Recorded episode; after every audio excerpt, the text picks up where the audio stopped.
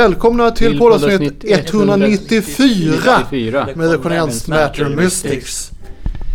Ja, Ja, nu sitter vi här igen i värmen. Det Ja. är ju varmt. Vad var det du mätte upp i replokalen? lite över 30 grader i replokalen. Som, som sig bör om sommaren då. Ja, det är, och för en gångs skull så spelar vi inte in någonting Nej, det har vi inte gjort. när det är så varmt. Nej, det orkar vi ju inte med. Nej, vi brukar vara i studion eller sådär eller ha något flerkanaligt projekt på gång när det är så varmt. men det blir ju senare. En annan gång längre fram i höst. Nu kör vi i oktober. En riktig liten egen oktoberfest kan man säga. Ja, just det. det är ju en, vi kan ha oktoberfesttema i studion. Så kan vi bjuda in våra fans så kan de komma där och vi, dricka öl och vi kan ha oktoberfest i studion. De kan sjunga med i, i refrängerna. Ja, och såna där eh, bayerska klänningar med, med dekolletage och grejer. Precis, det tycker jag. Det, det, vi kan ha dem sittandes vid fötterna sådär liksom. Ja, I- så lite, I sådana här dirndlklänningar och sånt där. ja, lite öl måste man alltid ha. Det är, det är kanske alkoholfritt då som är ett studiefrämjandets lokaler som är drogfria. Ja, givetvis. Ja, fast du snusar ju. Hur går det ihop med studiefrämjandets policy? Jag vet inte riktigt, det är ingen som har sagt någonting än, men eh, jag, jag försöker ju hålla undan lite grann när, när, när Johan Erkenvåg är och springer i studion eller, eh, eller i replokalen ibland och, och plockar med högtalare och allt vad det är. Ah, Viktigt att man sköter sånt här diskret. Ja, verkligen. Man ska, man ska, man får, man ska inte skylta med sitt missbruk. Du kan ju alltid gå ut på det här lilla utrymmet utanför vår replokal där vi har sett att folk håller till ibland när de vill vara diskreta. Ja, det är som snusrutan liksom. snus och jazztobak och annat. Precis. Eller Nej, starkt. jag, jag tobak får man nog inte ha här. Nej, det har man i rutan utanför. Jag förstår. Ja, det har vi väl observerat någon gång. Ja. Nåväl. Eh, ja, var var vi någonstans nu egentligen? innan Vi vi håller på att spela in en ny låt. Eller spela, eller spela upp, spela in. Spela, vi spelar igenom en ny Jag låt. håller på att repa in en ny låt som jag har skrivit. Precis. Eh, och det går ganska bra. Ja, lite luftigare trumkomp här i låten For the Dogs. Precis. Eh, Det, det är ju inga, det är ju inget Berit-kom på den här. Riktigt. Nej, det är ingen sån här Berit eh, musiklärare trumkomp med dubblat slag på virveln. Nej. Eller enkelt. och hur känns det? Känns det bra liksom? Ja, det känns intressant och bra. Det är alltid bra att utveckla sitt trumspel. Ja. Du sa att jag skulle ha idoler bland trummisarna. Ja, det tycker jag. Jag skulle dock inte ha Genesis trummis som idol. Nej, det kom vi väl överens om att vi inte skulle ha Phil Collins med liksom, i eh, uppsättningen av, av förebilder här. Nej, de är lite matematiska Genesis så det ska liksom vara perfekt. Ja, vad är det för fel på att vara matematisk?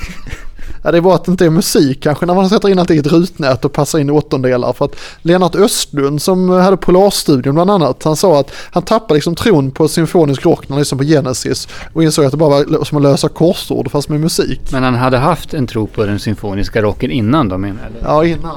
Ja, hur som helst, det finns väl många anledningar att, att vi kanske eh, inte prioriterar Phil Collins högst bland, bland trumförebilderna. Nej, jag håller med. Det ska inte vara lite matematiskt tråkigt. Man kan använda matte, men det ska vara tillämpad matematik så det är roligt. Tillämpad matematik är roligt. Tre slag i tank, takten, umpa, umpa, umpa. Nu vill jag ändå framhålla att matematik är ju en konstart i sig naturligtvis. Jag- Så att det är inte det att jag har något emot matematiken, jag ser absolut skönheten i matematiken. Det är mer Phil Collins jag vänder mig emot i det här Ja. sammanhanget.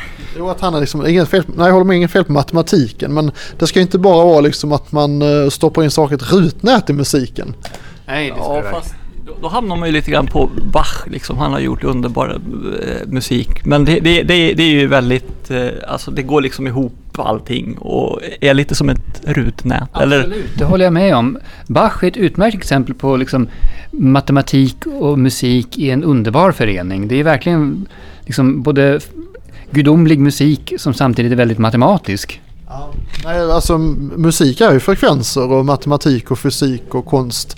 Vetenskap och konst. Agne är inne på liksom hur, hur Bachs musik är så liksom även matematiskt fulländad, hur de olika stämmorna och olika motiven liksom vävs kring varandra och, och, och det, som, som liksom, ja du kanske kan klä det i ord bättre än jag. nej, det tror jag inte. Men det är lite grann som vetenskap och konst som eh, vår tidigare fikarums eh, moderorganisations valspråk är. Ja, just det. Konst och vetenskap, ja. Det var där vi grundade bandet på, i denna vetenskap och konstorganisation. Precis, på KTH, ja. Jo, nej men visst. Eh, men nu förlorade vi oss lite grann i det här. Men, men du känns bra att liksom, vad ska man säga, släppa Berit för ett ögonblick. Ja, det är alltid bra lite variationer. Trumkompet. Jag vet ju alltid väldigt bra eh, hur mycket andra människor ska göra. Sen är jag lite mindre intresserad av att göra det själv. Ja. Du, du kanske skulle bli konsult? Ja, precis.